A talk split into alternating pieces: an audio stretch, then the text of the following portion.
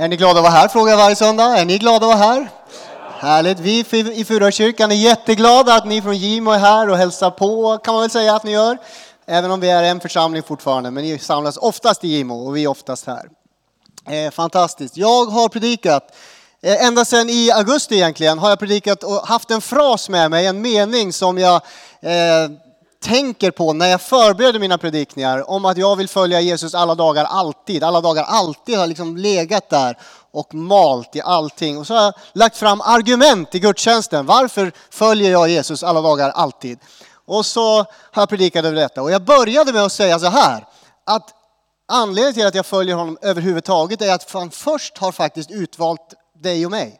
Gud utväljer dig. Och så står det i Bibeln så här, före världens skapelse utvalde han dig. Alltså just du som är här, han har utvalt dig före allting var skapat. Utvalde han dig till att stå helig och fläckfri. Alltså fri från synd, avskild för honom, inför honom i kärlek. Du är liksom skapad för att leva i hans kärlek, utvald av honom. Och på grund av att vi är utvalda av honom så vill jag varje dag välja honom. Och så har jag lagt fram massor med argument. Och förra veckan så talade jag, och vi har läst ett helt kapitel i eh, Johannes 6. Jag ska inte läsa ett helt kapitel idag, men jag ska läsa otroligt mycket bibelord. I varje fall, hoppas ni är med på det, att ni har er bibel med er. Och eh, ni kommer inte hinna slå upp alla i och för sig, men ni ska slå upp några. Men då talar jag om att trots att eh, lärjungarna fick bröd så räckte det inte för att följa Jesus. De fick bröd ena dagen, andra dagen lämnar de honom, om ni läser Johannes 6. Och nu tar jag med er in i Johannes 7, den här. Eh, så om ni har Bibeln med kan ni slå upp Johannes 7. Det finns några saker man måste ha med sig till gudstjänst och en sak är Bibeln, eller hur? Var är biblarna? Bra Lasse har Bibeln med sig. Är det någon mer? Härligt, det finns några biblar. Alltså det här är lika nödvändigt som att klä på dig kläder. Jag skulle bli liksom lite sur om du kom naken. Faktiskt. Eller jag skulle tycka det var konstigt. Men du kommer med Bibeln, du kommer med ordet. Du har det här med dig. För vi läser det vecka efter vecka. Och som förra veckan, då var det, det är jätteroligt när man kan följa med i Guds ord. Jag vet, man kan läsa på telefonen. Eh, så har du ingen bibel med får du göra det. Men du får inte titta på något annat än Bibeln om det är möjligt. Jag vet inte om det är möjligt. En annan sak man inte får göra under tiden jag predikar, det är en viktig regel, man får inte gå ut på toa eller någonting. Man måste sitta still. Man får komma in. Välkommen Teddan. Nu är vi alla på plats. Nu ska jag se. Johannes 7 ska jag läsa.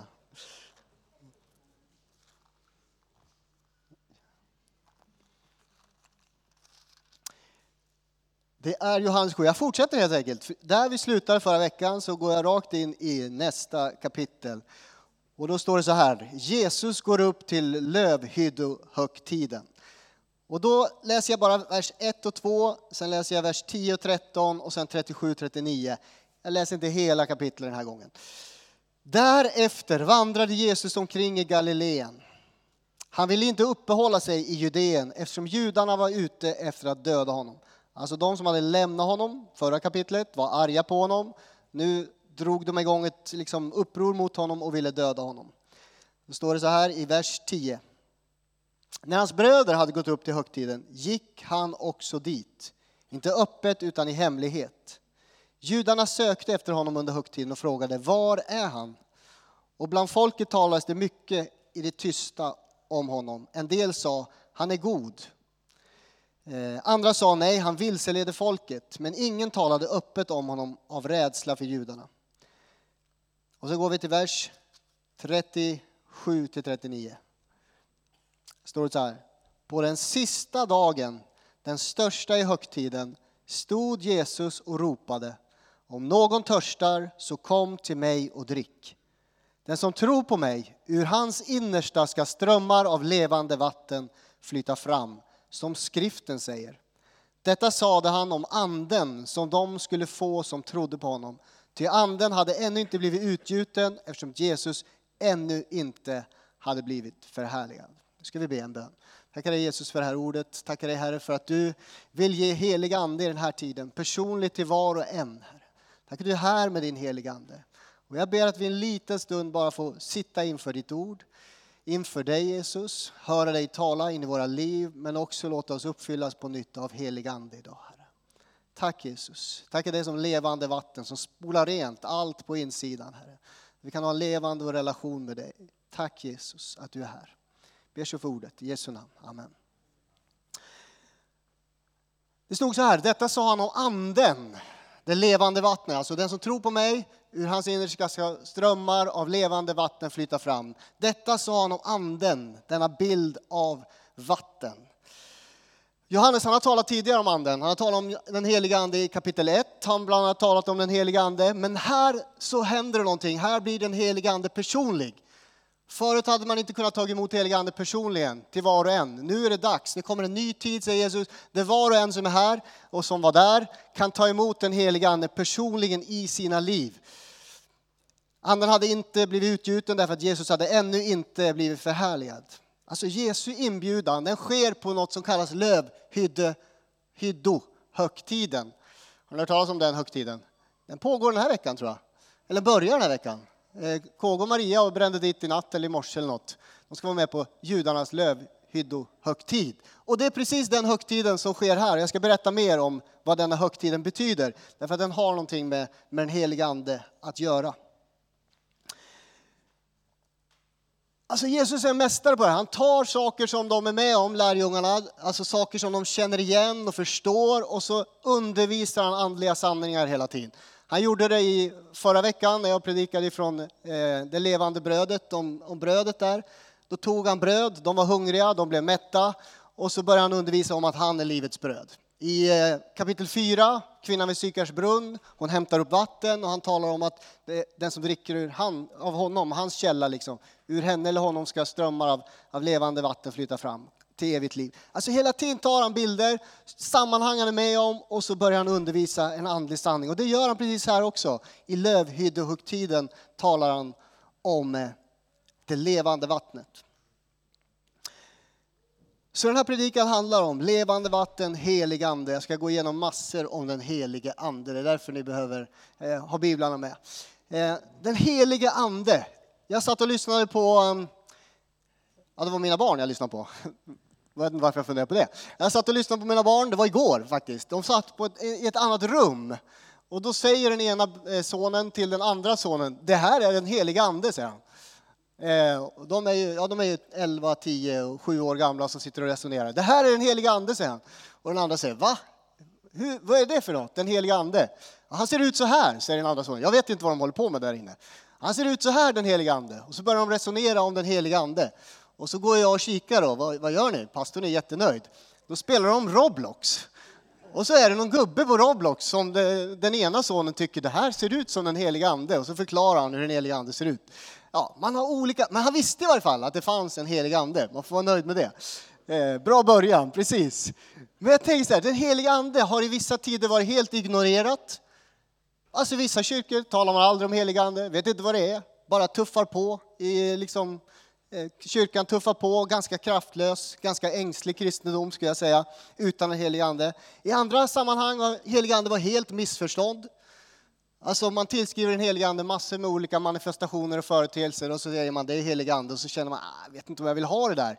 Jag har varit i sådana sammanhang där man funderar, är det här köttet, är det mänskligt eller är det anden? Och så blir det missförstådd helig ande, medan det faktiskt är någonting som Gud vill ge. Det jag önskar är att helig ande var väl känd i den här församlingen.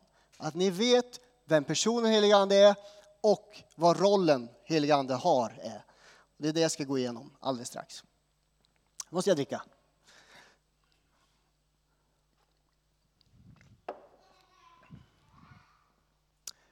Lövhyddohögtiden, en, en fest som pågick i sju festdagar. Eh, och I den här festen då innehåller det handlingar där man häller av vatten. Man göt vatten över altaret i templet. Det här var ett lovoffer till Gud genom att hälla vatten. Och Jesus han tar då det här tillfället, den här bilden av den helige Ande. Alltså lövhyddoktiden var en av de viktigaste festerna i den judiska traditionen. Alla som var över 21 år gamla var tvungna att delta. Man firade Guds trofasthet, hur Gud hade mött dem och mött alla deras behov när de vandrade i öknen i 40 år. Det är det man firar. Lövhyddoktiden kallas också sukkot, som betyder hydda. Och I vissa sammanhang så byggde man faktiskt, man bygger små hyddor och bor i den i sju dagar. Alltså om ni vill fira den här, man behöver inte åka till Israel och fira den här, utan nu idag så går ni ut och så bygger ni ett tält ute i trädgården och så tar ni med hela er familj och så bor ni där ute i sju dagar. Då firar man lövhyddohögtiden i judisk tradition.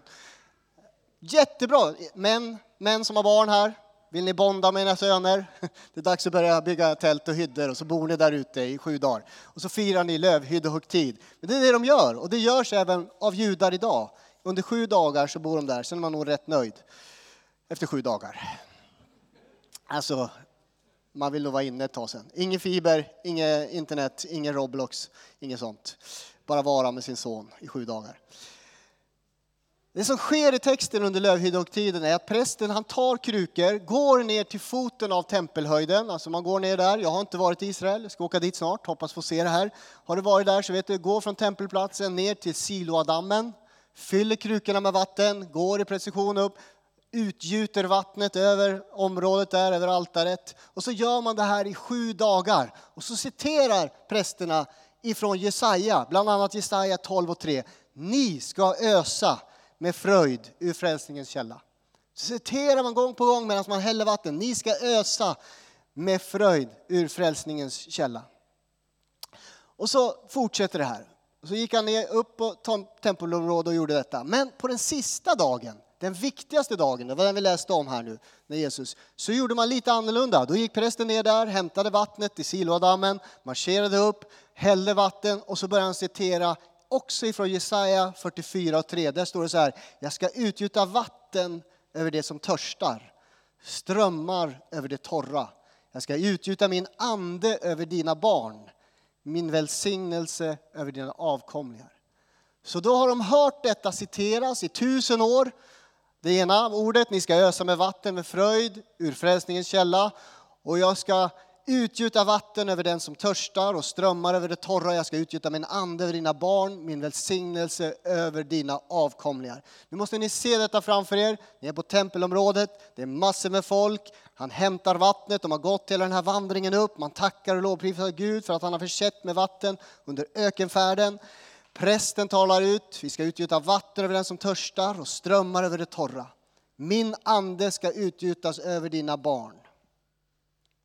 Och då, i det ögonblicket, så stör Jesus hela festivalen eller festen på något sätt. I det ögonblicket, han som inte vill ens gå dit, han ställer sig där inför alla. Tänker att det blir lite märklig stämning och så börjar han ropa de här orden om någon törstar, kom till mig och drick. Den som tror på mig ur hans innersta ska strömmar av levande vatten flytta fram, så som skriften säger. Alltså det lägger sig en tystnad. De vill ju döda honom en del i det där området. En tystnad i området, tänker jag mig. Han ropar ut detta. Alltså det som era präster har citerat i tusentals år, det gäller mig, säger Jesus. Jag kan ge er det. Jag kan ge er välsignelser över er och era avkomlingar. Jag ska utgjuta min ande över er, över alla människor.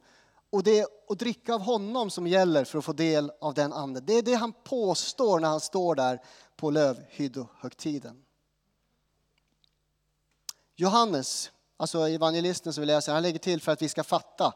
Det handlar om den heliga ande, säger han sen, som en kommentar för att vi ska fatta vad Jesus talar om. Alla som trodde på Jesus skulle bli fyllda av helig ande. Anden hade inte blivit utgjuten, för Jesus hade ännu inte blivit förhärligad, säger Johannes. Alltså Jesus hade ännu inte låtit sig spikas upp på ett kors, det är det. Han hade ännu inte dött, inte uppstått, inte blivit förhärligad. Därför fanns inte möjligheten till att bli fylld av helig ande. Alltså innan hade anden absolut blivit utgjuten över vissa personer i vissa sammanhang. Anden fanns där i skapelsens början i första Mosebok. Det står när Gud talade blev jorden till och Guds ande svävade över vattnen. Anden hade utgjutits över vissa personer för särskilda uppdrag i specifika tider. Eh, absolut, anden fanns där, men nu är det möjligt att var och en som tror kan få ta emot helig ande. Och så säger han till lärjungarna, ni ska gå till Jerusalem, ni ska vänta där tills ni blir iklädda med kraft från höjden. Johannes döpte med vatten, jag ska döpa er med helig ande. Så det är den tid vi lever i nu. Du ska bli döpt i helig ande. Du ska vänta på den helige ande. Så väntar de där i övre salen och så läser vi Apostlagärningarna 2 om detta. Så blir de fyllda av helig ande. Det här gäller dig och mig. Om du är törstig, om du är hungrig, om du känner det är liksom lite livlöst på insidan, det kan man känna idag, eller så tycker du min predikan är livlös, då kan du be heliga ande fyll mig. Så inte, kom igen, jag behöver dig heliga ande. Inte mina ord, det är Guds ord. Han vill fylla dig, strömmar av liv ska komma in och pulsera inom dig. Det är den helige ande. Och idag ska jag gå igenom den helige ande, personen och rollen. Det blir, om du vill ta anteckningar så är det bra. Om du inte tar anteckningar då kan man lyssna på det här på en dator sen och så kan man ta anteckningar. Man kan pausa mig när man tycker att det går för fort. Kan man det är jättebra. Paus, pastorn. Jag tror att ni behöver det här därför att jag vill att ni ska ha en sund och rätt förståelse av vem den heliga Ande är. Och jag ska ta igenom vad, vilken, vem personen heliga Ande är i tre punkter och så ska jag ta igenom er rollen av den heliga Ande i tio punkter. Ja, i tio punkter, kom ihåg det nu. Det är jättemånga, så då kan ni pausa och läsa sen. Så då har ni förberett. Rollen, eller personen den heliga Ande, det här är väldigt snabbt egentligen, men personen den heliga Ande, det är den tredje personen i treenigheten. Enkelt. Gud Fader, Gud Son, Gud Helig Ande. Den tredje personen i treenigheten. Alltså, vi talar om en tredje del i en Gud. Är med på det? En tredje del i en Gud. Vi tror inte på flera gudar, ni som vittnar för muslimer. Vi tror inte på tre gudar. Vi tror på en Gud som har uppenbarat sig tre personer, samma substans, eh, olika personer. Alltså vi har inte några, det är ett mysterium. Vi har inga bra mänskliga bilder för detta. Vi använder vatten ibland. Ni vet H2O, vatten, ånga, is, samma substans, olika manifestationer. Kanske ännu bättre bild, du vet när ett ljus går genom ett prisma eller en regndroppe, vad händer då? När ljusstrålen går igenom ett prisma, då delar den sig och så kommer det ut i tre olika, fyra olika färger. Flera olika färger blir det. Det är ett ljus, men genom prismat så syns den på olika sätt. Inte olika ljus, utan samma ljus delar upp sig, tre olika färger.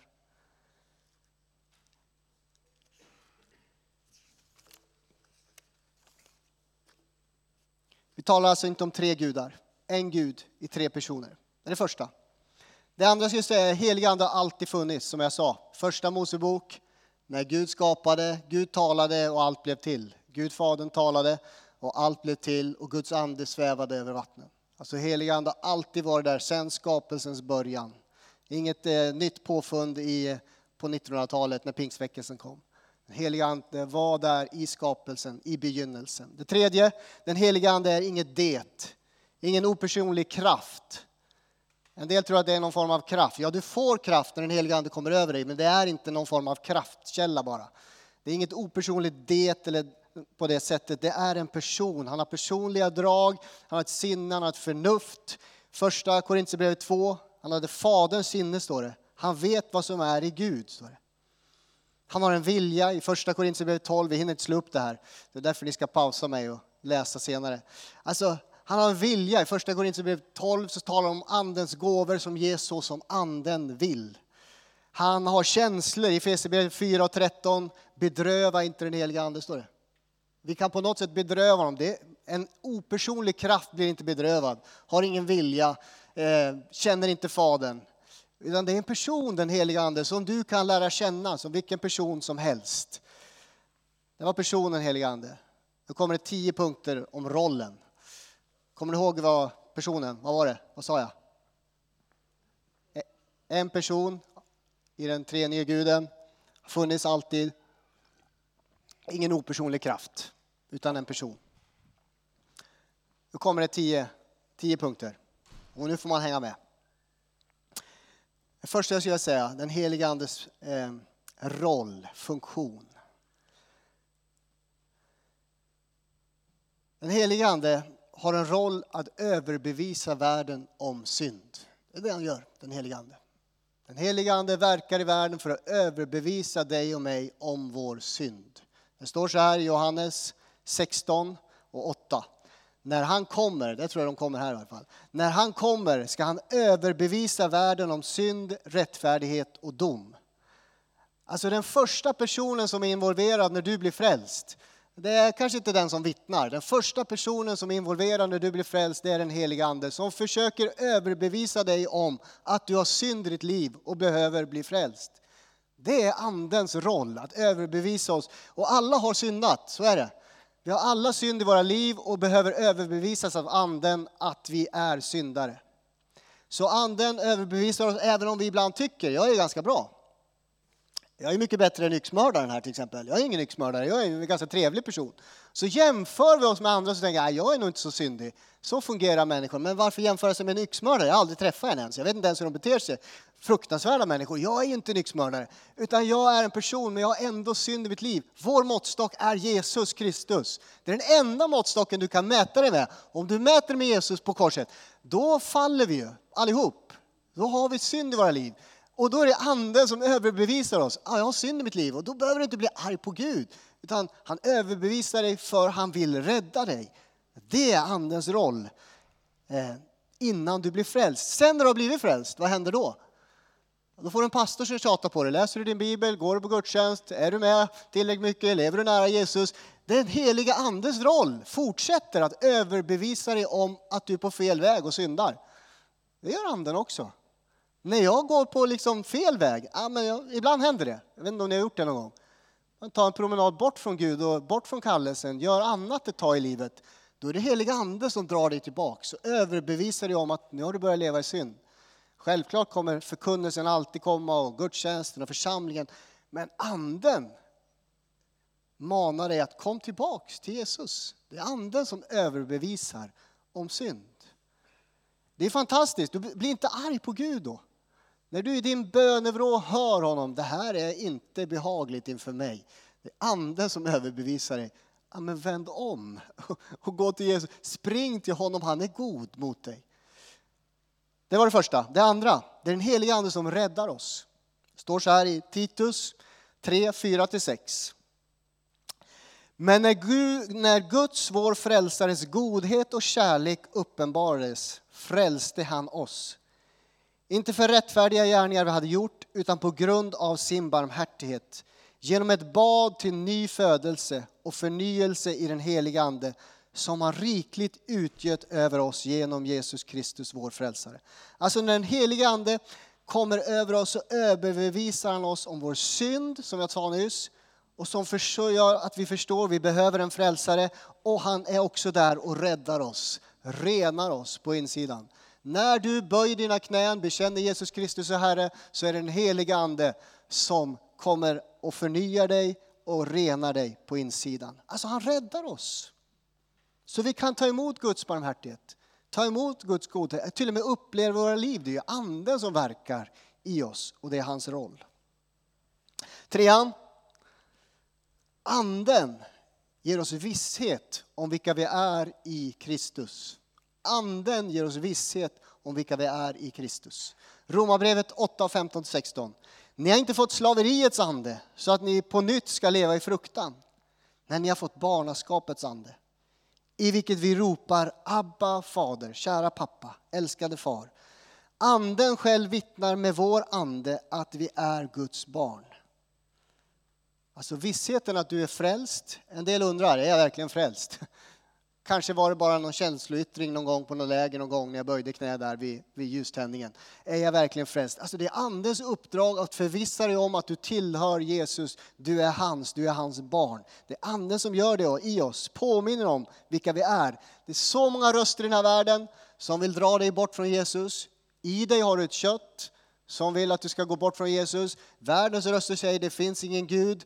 Ehm, Massor med saker hela tiden talar. Djävulen talar, det finns ingen Gud. Och då är det så viktigt, jag är förvissad, fullt förvissad om att jag tillhör Jesus. Han är min far, jag är hans barn. Det är anden som gör det i oss. Så när du tvivlar, när du funderar, då är det bara heliga ande fyll mig. Jag behöver bli förvissad igen att jag är ditt barn. Fyra. Ni ser, det går ganska bra. Tio är inte så långt. Det går bra. Anden ger kraft och frimodighet. Det är hans roll. Apostlagärningarna 1 8. Men när den helige Ande kommer över er ska ni få kraft att bli mina vittnen. Den helige Ande kommer över dig och ger dig kraft att vittna om honom. Apostlagärningarna 4 och 31. Jag slår ihop de här två.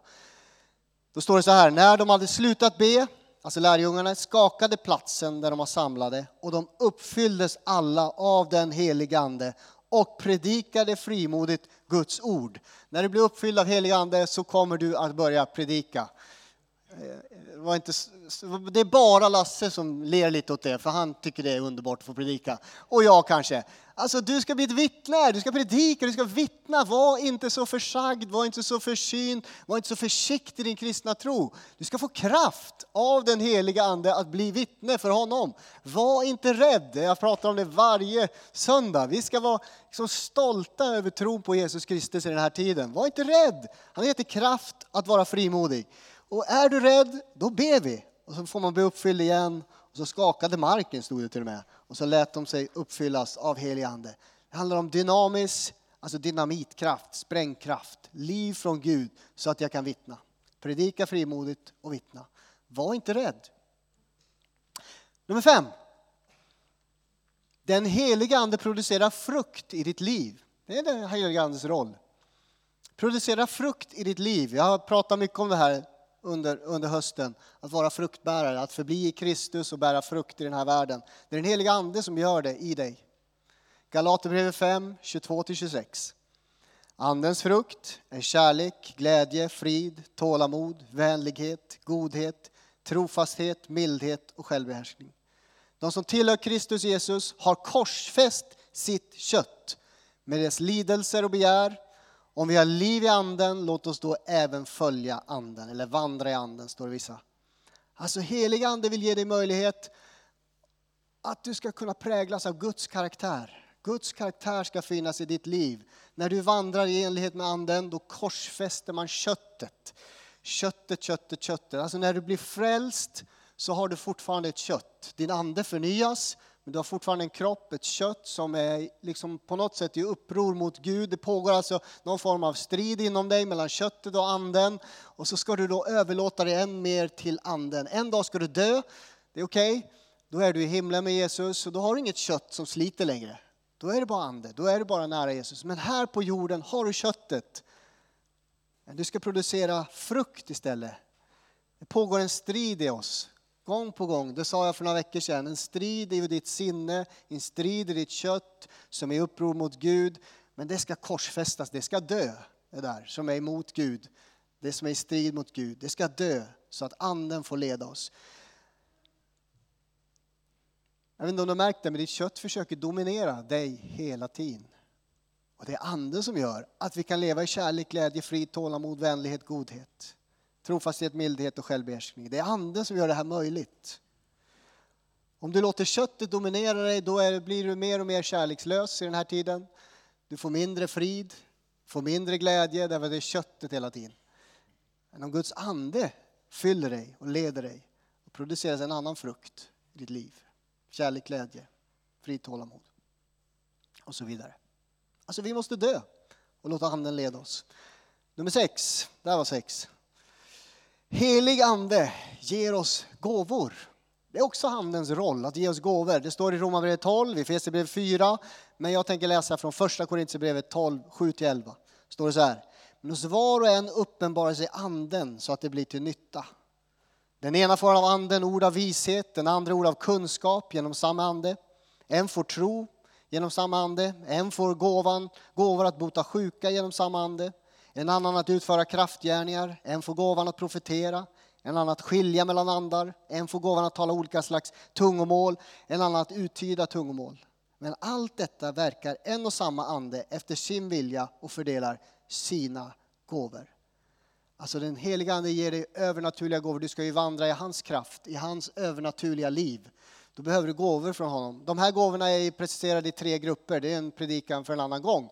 Men i varje fall, det är gåvor som eh, uppenbarar kunskapens ord, vishetens ord, gåvan att skilja mellan ander. De övernaturligt uppenbarar läget i en människas ande kanske, i en situation, på en plats, i ett land, så kan man få ett vishetens ord om den människans tillstånd i nuläget eller framtid.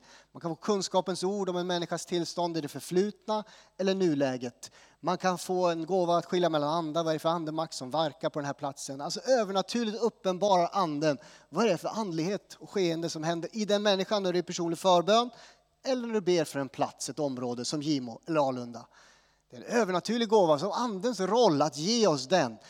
Eh, de har, det finns tre som också verkar och är verksamma. Det är ju kraftgärningarna, gåvan att eh, eh, bota sjuka och trons gåva. Som ges i specifika sammanhang av anden. När vi behöver de här gärningarna, kraftgärningarna, helande och så vidare. Och så finns det också tre gåvor av de här som jag läste upp som, som talar. Profetian, eh, profetiskt tungotal och gåvan att uttyda tungotal. Alltså Gud vill tala in i den här gemenskapen och talar då profetiskt genom någon här. Vi har haft det ibland här, någon som besöker oss som ofta vill fram och ber i tungor ibland och fram och delar något ord och så här. Eh, någon talar profetiskt tungotal, någon annan uttyder och så talar Gud in i den här tiden. Vi behöver sådana röster. Och det är andens roll att ge det till oss. Och när anden är i funktion på det sättet då förhärligas Jesus. Det finns ingen människa som förhärligas då, jag lovar. När anden verkar genom sina gåvor i vår gemenskap, det är ingen människa som känner att wow vad, vad stor jag är, utan det är Gud, Jesus som förhärligas. Nummer eh, sju är jag på, sju. Anden ger oss gåvor var sexan. Nummer sju. Anden har rollen som hjälparen. Den predikan har vi haft många gånger, men det är verkligen sant. Den bästa hjälparen är helig ande. Johannes 14 och 16 står det så här. Och jag ska be Fadern och han ska ge er en annan hjälpare som alltid ska vara hos er. Anden ska hjälpa er, anden ska trösta er, eh, anden ska själavårda er faktiskt. Anden han slår följen med dig i alla lägen. Hur du än mår så är anden i dig. Om din själ inte mår bra, låt dig uppfyllas av helig ande. Han är den bästa själavårdaren, faktiskt, som ger dig det du behöver. Sen behöver man prata med någon ibland, men anden är hjälparen i den här tiden. Nummer åtta. Kan knappt visa. Nummer åtta. Anden har rollen att uppenbara. I första Korintierbrevet 2, 9-10 står det så här. Men vi känner, som skriften säger, vad, ing, vad ögat inte har sett och örat inte har hört och människohjärtat inte har kunnat ana, vad Gud har berättat åt dem som älskar honom. Ty för oss har Gud uppenbarat det genom sin ande. Anden utforskar allt, också djupen i Gud. Alltså Gud uppenbarar för, för oss saker som vi inte vet. Inte allt, men mer av Gud. Alltså djupen i Gud kan anden uppenbara för oss. Du kan gå djupare med Gud. Du kan få lära känna honom mer än vad du idag gör genom den heliga ande. Så när jag läser bibelordet och inte fattar någonting, vad gör jag då? Jag läser igen jag fattar fortfarande ingenting. Jag brukar läsa det tre gånger och jag får inte ihop det ändå. Ja, men till sist så börjar man ju be. Gud, uppenbara vad det här betyder för mig i den här tiden. Anden vill uppenbara djupen i ordet för dig. Personligen när du läser. Jag lovar att det kommer att hända om du sitter och läser och ber. Helig ande visa, tala, ge liv till det här ordet. Annars är det bara tråkig text. Men andens roll är att uppenbara det du läser. Genom sin ande. Ju mer jag läser, då blir man ju mer inspirerad av, liksom, av både Gud och Guds ord. Och så uppenbarar han mer vad han har gjort för oss. Nummer nio. Anden vill vägleda dig. Det är hans roll, att vägleda lärjungarna till Jesus. Johannes 16 och 13 till 14 står det så här. Men när han kommer, sanningens ande, då ska han föra er in i hela sanningen. Ty han ska inte tala av sig själv, utan allt det han hör ska han tala. Och han ska förkunna för er vad som kommer att ske. Tala om nutid och framtid. Han ska vägleda er, han ska vägleda er i ett liv i framtiden. Alltså med all den galenskap som händer i den här tiden, vi ser det hända runt omkring oss, så ropar man ju på hjälp. Låt någon vägleda oss. Guds ande har Gud gett oss för att vägleda oss i den här tiden. Han ska leda oss in i sanningen. Alltså det är väldigt svårt att urskilja sanningen, eller hur? Vad som är rätt och fel, vad som är fejk eller vad som är sant. Vad som är fakta. Vi ska vandra i sanningen och anden ska leda oss. Med tio. Sista. Med tio. Andens roll är att be för dig och för mig. Var det en lovsång eller var det en vanlig sång? Jag vet inte. Eller var det anden? Nummer 10. Anden ber för dig och med dig. Så ska jag säga. Anden ber för dig och med dig. Romarbrevet 8.26. Så hjälper oss också anden i vår svaghet, ty vi vet inte vad vi bör be om. Men anden själv ber för oss med suckar utan ord. Ibland känner man sig väldigt svag, väldigt missmodig. Ibland har du drabbats av sorg, svårigheter, oro. Du vet inte helt enkelt hur ska jag be i den här tiden? Jag har ingen aning, jag orkar inte ens be. Då ligger man där på sina knän eller på sin mage platt eller hur du nu, du kanske sitter i en stol hemma. Vi ber på olika sätt. Eh, och så vet man inte, men anden då står det, ber inom oss med ord, med suckar. Hela tiden manar gott för oss. Så ber man i tungor och så anden ber för dig och med dig. Det här är andens roller, eller roll. Jag har satt det i tio punkter, det är ganska mycket. Det är liksom tio predikningar förstår ni, i sig bara, varje punkt. Eh, kanske kommer någon gång. Det jag vill säga, Jesus säger så här, på den sista dagen i högtiden står Jesus upp och ropar, om någon törstar kom till mig och drick. Han vet hur mycket vi behöver helig ande i den här tiden. Är du törstig? Då ska jag säga spring till Jesus. Det är anden som manar oss tillbaks till honom hela tiden. Spring inte in i massa andra källor utan din, liksom, ditt eh, löpsteg är till Jesus hela tiden. Ös med fröjd i frälsningens källa. Det finns där hela tiden. Trots hur det känns, trots hur det ser ut, trots hur det är så kan du ösa i frälsningens källa varje dag och fyllas av helig ande. Känner du en längtan att lära känna helig ande? Ja, det börjar ju i kammaren, i vrån. Hemma i ditt rum. Du tar fram din bibel och läser och ber helige ande, inspirera mig, lär mig. Så börjar du lära känna rösten, de här viskningarna från Gud som vägleder dig, som uppmuntrar dig, som styrker dig, som ger dig gåvor, som sänder dig, som ger dig kraft. Allt det här som förvandlar dig inifrån så att du börjar mer präglas eh, av Guds karaktär. Det är helig ande som gör det här. Och Jesus han står då på högtidens dag där, där de öser massa vatten och säger allt detta finns i mig. Alltså ta emot mig. Om du är törstig, kom till mig och drick. Nu ska vi be. Tack. Tack Jesus. Tackar dig Herre. Tackar dig för ditt ord idag. Tackar dig för mitt i den här högtiden som fortfarande firas så, så vet vi att för 2000 år sedan då stod du där Herre och ropade de här orden på samma plats som de kanske står idag. Tack Jesus. Tack Jesus. Tack att det är sant att vi kan ösa fritt ur frälsningens källa. Det finns så mycket liv hos dig Herre. Det finns liv i den helige Ande. Jag ber att vi ska få lära känna den helige Ande ännu mer. Du, redan har, du som har räddat oss, döpt oss, fött oss på nytt, Herre. Vi kan lära känna dig mer och den roll du vill spela i våra liv, i vårt lärjungaskap. Tack Jesus. Nu ser vi som sitter här, vi, en del är torra, törstiga. Hungrar och törstar efter dig Jesus. Vi behöver dig. Vi behöver inte mer ord, vi behöver bara smaka och se att du är god. Vi behöver mer av dig, heligande. Tack att du vill komma och röra vid oss idag. I Jesu namn. Amen. Amen. Amen. Amen. Här ska du